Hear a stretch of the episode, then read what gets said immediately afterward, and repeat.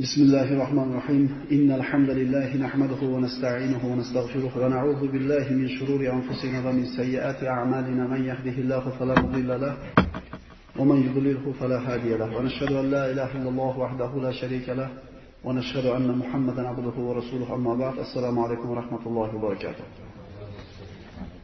Nabiy sollallohu alayhi vasallamning siyratini o'rganishlikda keyingi darsimizni boshlaymiz. Qurayshning odatiga ko'ra yangi chaqaloq tug'ilsa, bu chaqaloqlarni emizishlik uchun sahroga berib yuboradigan odati bor. Quraysh qabilasi mana shunday odati bor. Birinchidan, Makka haj qilinadigan joy. Xilma-xil odamlar keladi. Keladida har xil lahja, har xil sheva egalari bir necha oylar, bir necha yillab hozirgidaqa qolib ketishadi. Hozir mana hal umraga bor haj qilib kelayotganlar bor. Hajdan keyin qolib ketdi bir 10 xil bahona bilan qolib ketayotganlar bor. Xuddi shunga o'xshagandek Makkaga haj qilgani kelgan kishilar bir necha vaqt, bir qancha vaqt qolib ketishadi. Tabiiy har xil lahja, har xil sheva egalarini ta'siri ostida ulug'aygan bolalar ham sof arabiy tilini esdan chiqarib qo'yadi. Shuning uchun agar sahroga berib yuborsa, bitta qabila bilan turadi, sof badi, fusho deyiladi mana. Badi tilida, arab tilini sof tilida gapirishadi. Shu bilan to tili mustahkam o'rnashib olgunicha sof tilga boshqa qabilaga aralashmaydida, o'sha yurtda, o'sha qabilada yashaydi.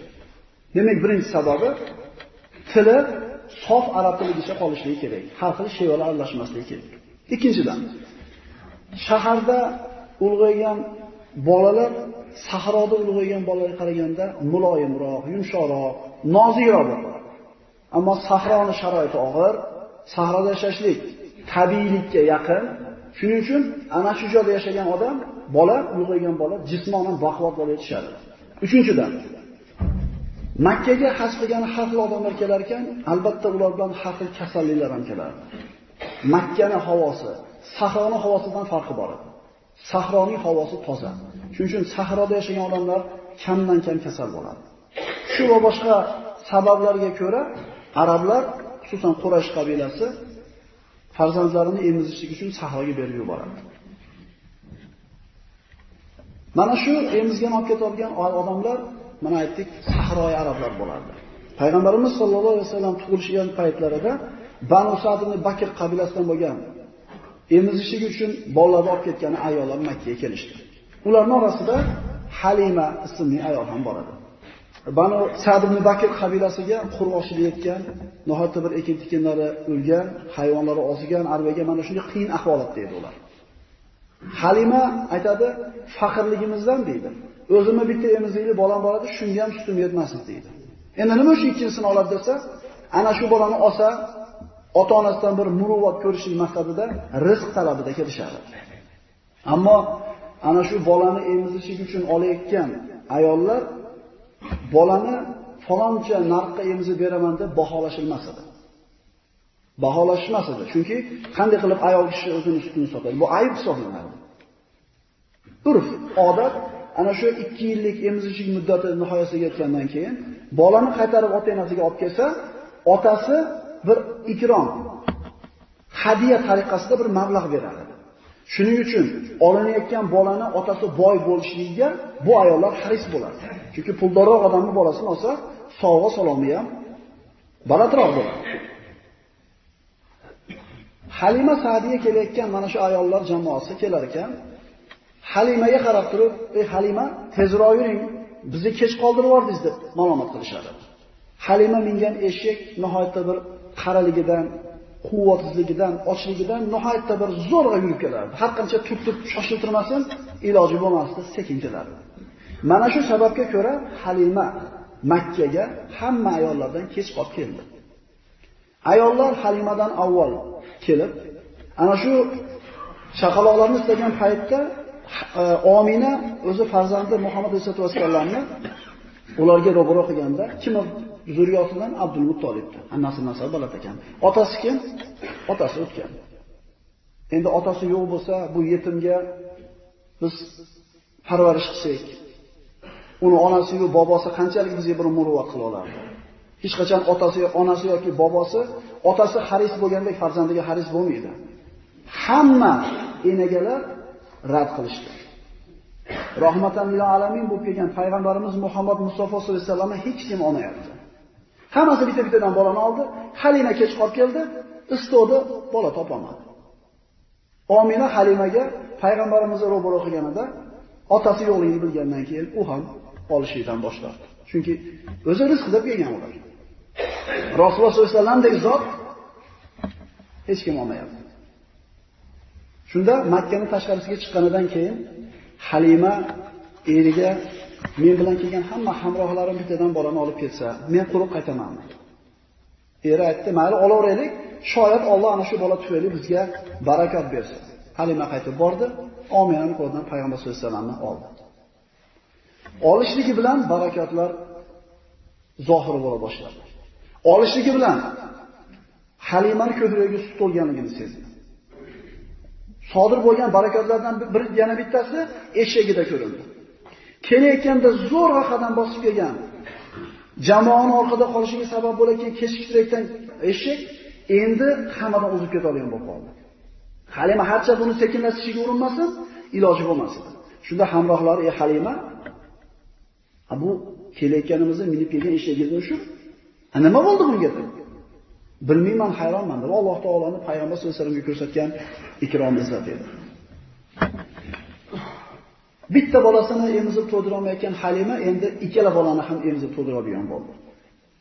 Mana aytdik, Banu Sad yerlariga qo'rg'oshli yetib, nihoyatda bir faqirlik, qiyin ahvolda yashayotgan bo'ladilar. Halimaning uyida qari sut bermay qo'ygan bir urg'oqchi tuyasi bo'ladi. Payg'ambar sollallohu alayhi vasallam kelishigi bilan semirishni boshlaydi. Yelini sutga to'ladi. Hamma bundan hayron bo'ladi. Halimani qo'ylari semirishni boshlaydi. Ular ham sutga to'ladi. Odamlar ko'rib hayron bo'ladi. Hammani qo'ylari oriq, soriq, qiylangan, Halimani qo'ylari ham, tuyalari ham semiz, sutga to'lyapti. Ana shu qo'ylarni hadab ketadigan cho'ponlarga boshqa kishilar aytardi: "Ey, Halimani qo'ylari qayerda yuribdi? O'shada boqishgan senlar ham, qara qo'ylarni semirganini." Desa cho'ponlar aytardi: "O'shada boqyapmiz biz ham, lekin foydasi bo'lmayapti." Bu payg'ambar sollallohu alayhi vasallam tufayli Halimani uyiga kelgan barakot edi. Shuning uchun birodarlar, bizi tijoratimiz ravon yurayotgan bo'lsa, hamma yog'imiz besh bo'layotgan bo'lsa, qaysi farzandimiz tufayli ekanligini bila olmaymiz uni. Halimani eshigi kech qolib kelganida hamma boylarni bolalarini ayollar olib bo'lgan edi. Halima albatta xafa bo'lgan bo'lsa kerak. Shu eshigim baquvvatroq bo'lganida, birinchi kelganida ehtimol men ham boyning bolasini olardim degan. Ya'ni mana shu eshagini orqada qolganligini o'ziga zarar deb o'ylagan bo'lishi mumkin. Hozir shunday odamlarga o'xshab. Lekin alal oqibat nima bo'ldi? Foydasiga bo'lib chiqdimi? Asa antakrahu shay'an wa huwa khayrun lakum dedi Alloh taolo. Hayotingizda bir ish sodir bo'ladi, sizlarga yoqmaydi. Hayotingizda bir ish sodir bo'ladi, sizlarga yoqadi. Ehtimol orqasida ziyoni bor, kim biladi buni? Bir ishni yomon ko'rasizlar deydi Alloh taolo. Orqasida yaxshilik bor. Bir ishni yaxshi ko'rasizlar, yaxshi ham shuna bo'lgani desiz, orqasida ziyoni bor. Sizlar bilmaysizlar uni foyda ziyoni, Alloh biladi deydi. Xuddi mana shu o'ringa payg'ambarlar tarixiga murojaat qilsak, Musa alayhisalom Xizr alayhisalom bilan uchrashdi. Sizga berilgan ilmdan menga ham o'rgating dedi, o'rgataman, faqat nima uchun qilganligimni bir ish qilsam so'ramaysiz dedi. Xullas mana mashhur qilsa, kemani teshib qo'ydi. Kema ahli cho'kishga yaqin bo'ldi, zo'r bozor nariga sohilga yetib borishdi. Bu kema miskin odamlarniki edi, tirikchiligi shu kemasi bilan. Kemani ta'lim teshib qo'ygandan keyin kemachiga chiqinmi bu? Rasbotmi bu? O'sha kemachi aytgan bo'lsa kerak. Chataq bo'ldida, mana shu teshilib qolgani. Shu chiqindi o'rniga falon ishimni qilib olardim desa kerak. Bizda bo'ladi shu narsa. Keyinchalik Xizr alayhisalom Musa alayhisalomga bu qilgan ishlarining sababini aytib berayotganda aytdiki, men kemani teshib qo'ydim. Sababi narigi sohilni podshohi kelgan kemalarni hammasini tortib qo'yatdi. Aybli ekanligini ko'rgandan keyin podshoh deb qo'ydi unga deydi. Demak, mana shu teshilganligi foyda bo'lib chiqdimi oqibatda? Shuning uchun masjidga bora olmagan bo'lsangiz, baloni zotilib ketib o'sha yerdan qolib qolgan bo'lsangiz, hamda ayting Alloh ehtimol bir balodan saqladi. Bir yopolmadingiz homizni, bir yaxshilik bor. Bir uylolmadingiz, bir chiqarolmadingiz qizingizni. Ehtimol bir yaxshilik bor. Yaxshilab eshitib turaylik. Yaxshilab eshitib turaylik. Biz iymonni 7 ta shart, iymonni 7 ta rukniga shartiga iymon keltirganmiz. Allohga, farishtalarga, ha? Shundan bittasi yaxshilik ham, yomonlik ham Allohdan. Quyidagi Imom Termiziyning sahihlarida keltirilgan hadisga xulosa olamiz. Hozir bu mavzudan chiqish emas. Nabiy sollallohu alayhi vasallam aytadilar. Senga yozilgan narsa adashib boshqa birovga o'tib qolmaydi. Birovga yozilgan yaxshilik yoki biror narsa adashib senga kelib qolmaydi. Shunga iymon keltirib olmaguningcha Uhud tog'idagi oltinni sadaqa qilayotgan bo'lsang ham sen jahannam ahlidansan deydi. Nima degani? Sizni peshinangizga yozgan narsa albatta keladi. Xotirjam bo'ling degan. Birovga yozilgan narsa adashib sizga kelib qolmaydi, xotirjam bo'ling. Ertaga krizis bo'lar ekan, ertaga manaqa bo'lar ekan, siz siqilmang degani. Peshinangizga yozgan ish bor. Undan oshiq ham bo'lmaydi, kam ham bo'lmaydi. Shunga iymoninglar agar zaif bo'lsa, shunga ishonmasdan turib, u 5 mahal namoz o'qib juma o'qish emas masala ishdir. Uhud tog'idagi oltinni kim sadaqa qila oladi oramizda? Lekin shunchalik ulug' ibodat qilib turib, Uhud tog'idagi oltinni sadaqa qilib, boshingizga keladigan yaxshilik, yomonlik Allohdan ekanligiga shubhiz bo'lsa, jahannam ahlidan deyaptilar Nabiy sollallohu alayhi vasallam. Eshik kech qoldi ham xafa bo'lgan bo'lsa kerak, xafa qoldi. Oqibati nima bo'ldi? O'shuning uchun mu'min odamning boshiga qanaqa kun kelar ekan, albatta u uchun yaxshi. Rozi bo'lib qabul qilishligi kerak. Sovg'ib ketdimi demak shunda bitta yaxshilik bor. Ishingiz yurishmasin shunda bitta yaxshilik bor. Faqirmisiz demak bitta yaxshilik bor. Ehtimol o'sha davlatni berib qo'ysa ko'tara olmay qolasiz siz. Haqiqatdan deymiz, ertaga chiqib qilayotgan ishimiz undan teskari bo'ladi. Bu degani yotib olish kerak, Allohning aytgani bo'ladi degani emas. Inson rizqini sababini, salomatchiligini sababini hamma mehnatni qilib qo'yib turib, natijasiga kelganda endi bu yo'q Allohdan deydi. Biz qo'limizdan kelgan ishni qildik, natija Allohdan. Kelishdiga Demak, issiq bo'lib kelsa ham mingilamaylik. Chunki issiq bo'lib ketdi, dod dedik, isib ketdi, gripp bo'lib ketdi, chang bo'lib ketdi, boshqa bo'lib ketdi. Alloh taolo bir hafta sog'lig'ini berdi, endi ko'mir tugab qoldi, sovuq bo'lib ketdi, boshqa bo'lib ketdi. Innal insana li robbihi lakanut va innahu ala zalika Inson Parvardigorning bergan ne'matlariga nonkor. Yana o'zi guvoh bunga. Boradigan bu bo'yda davom etkazadi. Xo'p, darsimizga qaytamiz. Demak, payg'ambarimiz sollallohu alayhi vasallam 2 yoshgacha Halima Sa'diyani uyida ulg'aydi. Halima aytadi: Nabiy sollallohu alayhi vasallam haqida u Zot sollallohu alayhi vasallam boshqa bolalardek ulg'aymadi. Rasululloh sollallohu alayhi vasallam 2 yoshga kirganida xuddi 6 yoshga kirgandek ko'rinardi. Rasululloh sollallohu alayhi vasallam sog'lom va vaqlot bo'ldi. 2 yoshga kirganida birodarlar, ravon so'zlari, sof o'zini arab tilida ravon so'zlari. Odatda 2 yil emzilgandan keyin bolalarni onalariga, otalariga qaytarib olib borib berilardi. Kim endi agar yana berib olishni xohlasa qaytarib berib yuboradi, kim olib qolishni xohlasa olib qolardi. Ominani undan Muhammad rasulullohdan boshqa farzandi yo'q bo'lganligi uchun olib qolishligini aytdi. Lekin Halima 2 yildan beri ko'rayotgan barakadan ajragisi kelmasdan endi qaytarib beravering, yaxshi o'syapti, ana bo'lsa ham bizda havo toza, Makkada kasallik xullas ming xil da'vo bilan payg'ambar sollallohu alayhi vasallamni onasini rozi qilib, Nabiy sollallohu alayhi vasallam olib ketdi. Olib borib bir qancha vaqt o'tishligi bilan ko'krak yorishlik voqeasi sodir bo'ldi. Bu shundayki kunlarni birida Halimani o'zini o'g'li shoshganicha keldida Qurayshlik ukamni ikkita odam kelib qornini yorib qo'ydi dedi. Halima bilan eri shoshganicha Payg'ambar sollallohu alayhi vasallam oldiga borganda uzoq sollallohu alayhi vasallam qo'rqqan holatda, ranglari o'zgargan holatda turardilar. Senga nima bo'ldi so'raganida Nabiy sollallohu alayhi vasallam javob beradilarki, oldimga oq kiyim kiygan ikki kishi kelib, menga yerga yotqizdilar. Meni yerga yotqizdilar. So'ngra ko'kragimni yorib, yuragimni chiqardilar. Payg'ambar sollallohu alayhi vasallam sahih hadislarda aytadilar, ana shu davr haqida mening oldimga ikki farishta kelib, ko'kragimni yorib, yuragimni chiqardilar. Uni oltin jomga to'ldirilgan Zamzam suvi bilan yuvdilar. Yuragimdan qora alaqani, lahta qonni chiqarib tashlab, bu ikki farishta bu sizdagi shaytonning ulushi edi dedilar. So'ngra qalbimni hikmat bilan to'ldirib, qalb yuragimni joyiga qo'yib tikib qo'ydilar. Sahih hadislarda keladi, Nabiy sollallohu alayhi vasallamni ana shu paytda ko'kragi ochib qaralganda tikilganiga alomatlari bor edi. Nabiy sollallohu alayhi vasallamni Alloh subhanahu va taolo yoshligidan o'zi bir ma'sum qilib saqlagan edi.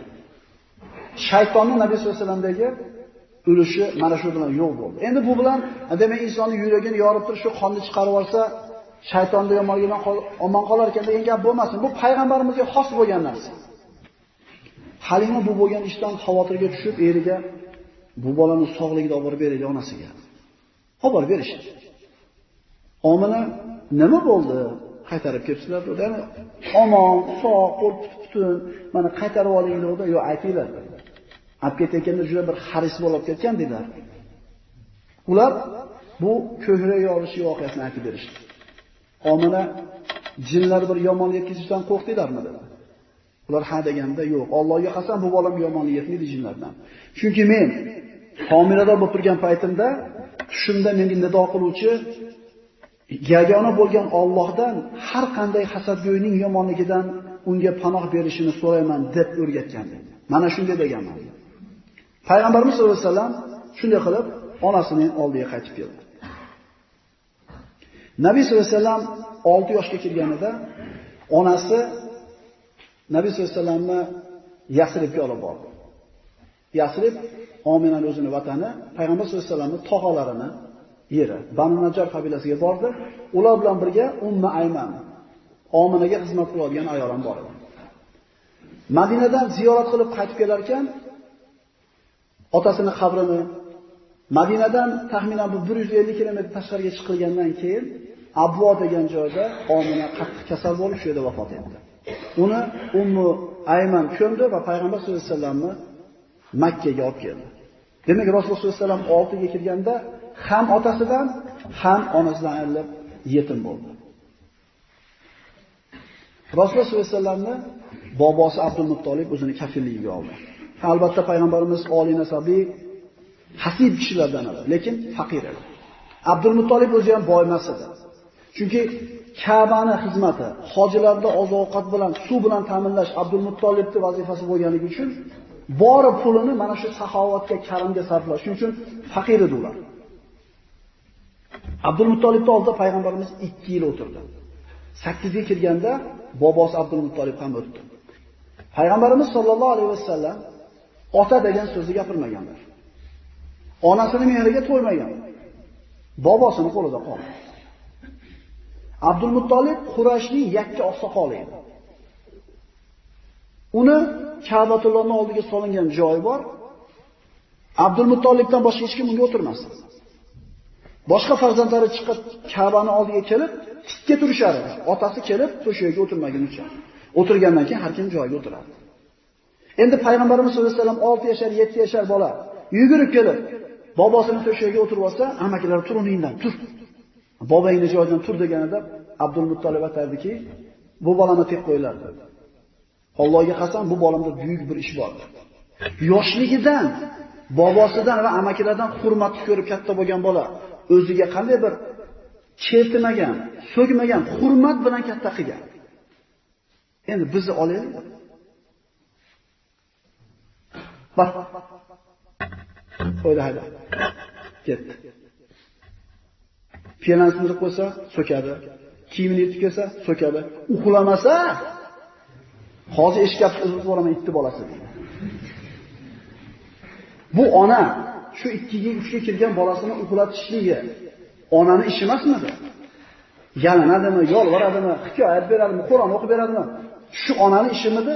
O'zini ishini bu ena bolani go'shini kesishlik bilan to'yg'izib qo'yadi. O'zini go'shini o'zi yegizib qo'yadi. Uyutib orar ekan, uni yopadi ekan. Keyin qo'rqoq.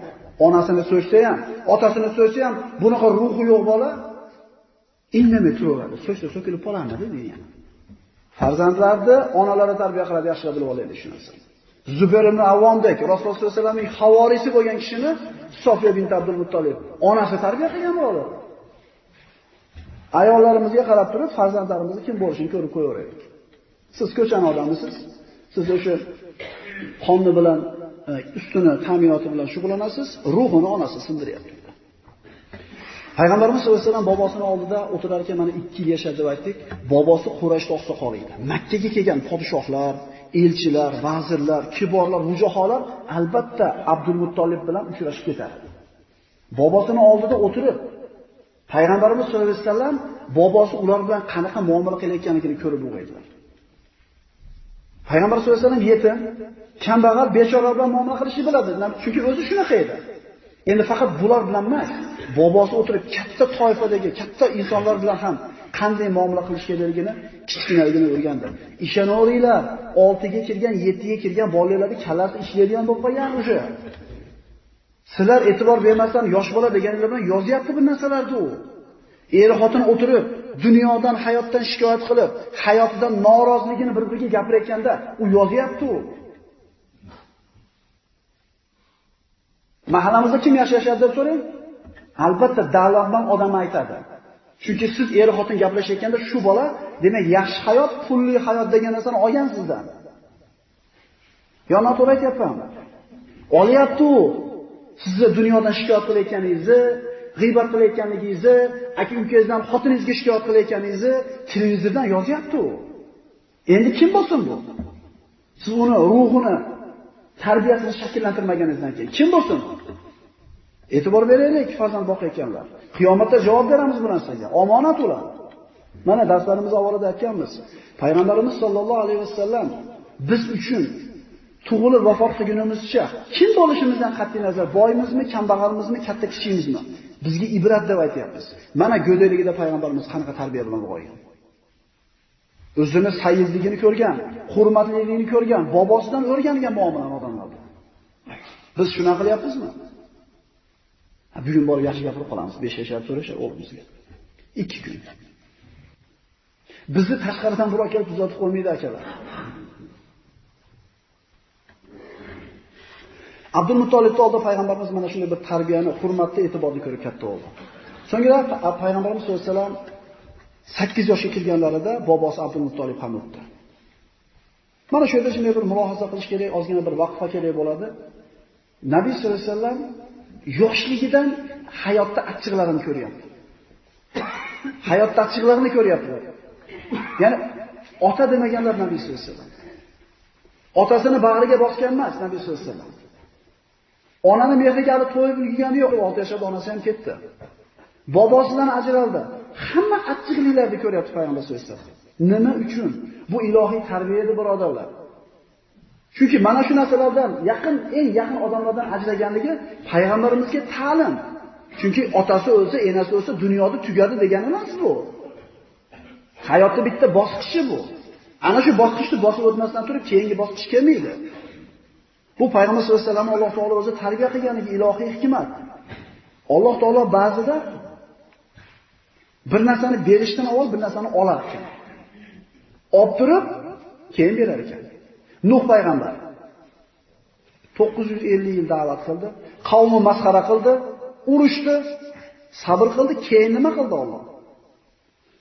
Kema bilan saqlab, hammadan aziz qildimi? Ibrohim alayhissalom o'tga uloqtirildi, sabr qildi. Yurtidan hijrat qildi, sabr qildi. Keyin kim bo'ldi? Halilulloh, Allohning do'sti bo'ldimi? Yoqub alayhissalom eng yaxshi ko'rgan farzandi, eng yaxshi ko'rgan farzandi Yusufdan ajraldi. Sabr qildi. Yig'lab ko'zi ko'r bo'ldi. Sabr qildi. Keyin Alloh Yusufni ham, Yoqubni ko'zini ham qaytarib berdimi? Avval olib turib, Alloh keyin beryapti birodar. Musa payg'ambar o'zini yurtidan bitta odamni o'ldirib qo'ygandan keyin qo'rqib qochib ketdi. Keyin o'zini yeriga, Misrga Kalimur Rahman bo'lib qaytdimi? Qaraylik tarixda. Alloh olib turib keyin berar ekan. Berganda xursandmiz. Rozimiz taqdirga. Ozgina olib qo'ygandachi? Iso alayhissalom onasi va o'zi ana shu fahshda, bo'xtonga, tuhmatga ro'baro bo'ldi. Keyin osmon, yer Allohning mo'jiza ekanligiga guvohlik ko'rdimi? Va aylanib kelib payg'ambarimiz Muhammad Mustafa sollallohu alayhi vasallam otasidan ayrildilar. Onasidan ayrildi, bobosidan ayrildi. Mehnat mashaqqat chekdi Makkada. Yurtidan quvildi. Makkani Alloh taolo payg'ambarimizni qo'lasiga berdimi? Muzaffar qilishi bilan g'olib bo'lgan holda kelganida Men endi nima qilaman sizlarni bilasizlarmi deganida Ahun Karim, Ibn Ahin Karim deganda ozod silasiz. Mana shunday mehnat mashaqqatlar, yoshligida yetimlik, mashaqqatda achchig'ini topgan Nabiy sollallohu alayhi vasallam qalbi qatib ketish kerak edi. Lekin ilohiy hikmat edi bu, tarbiya edi. Aksincha payg'ambarimiz qalbi rahm, shafqat, muhabbatga to'lgan edi. Demak, insonni boshiga keladigan yaxshi yomon kun Alloh taolo beradigan bir bosqichi, xolasangiz ham, xolamasangiz ham keladi u. Faqat unga rozi bo'lishlik kerak. Rozi bo'lishlik kerak. Ertangi kunda g'amini olib siqilmaslik kerak. Bola chaqamiz nima bo'lar kerak ertaga? Indinga nima bo'larkan demaslik kerak. Mehnat qiling, natijani Allohga qo'ying. Chunki Uhud tog'ida oltinni ehson qilsangiz, agar ertangi kunda g'ami bo'lsa qalbingizda, qo'rquv bo'layotgan bo'lsa ertaga, bu iymoningizdagi nuqson bo'ladi. Abu Talib payg'ambar sollallohu alayhi vasallam o'zini qaramog'iga oldi. Abdul Muttolib vafot qilganidan keyin.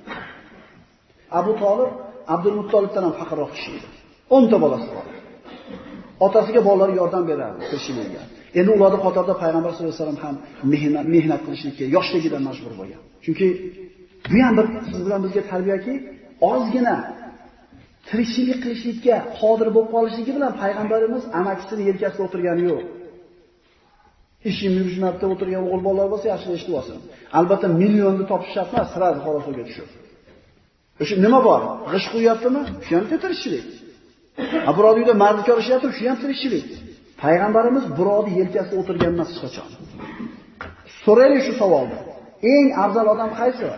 O'zini qo'li bilan mehnati bilan tirikchilikni o'tkazayotgan odam. Payg'ambarimiz sollallohu alayhi vasallam 8 yoshga kirganidan boshlab 21 yoshigacha cho'ponlik bilan shug'ullangan. Cho'ponlik bilan. Nabiy sollallohu alayhi vasallam "Ma min nabiyyin illa va ra'al g'anam." Har bir payg'ambar qo'y boqqan. Bunda ham bir hikmat bor. Chunki hayvon bilan muomala qilgan, hayvonga bir parvarish qilgan kishining qalbida rahm shafqat, halimlik, sabr hamda boshqaruvchilik sifatlari tarbiya topadi.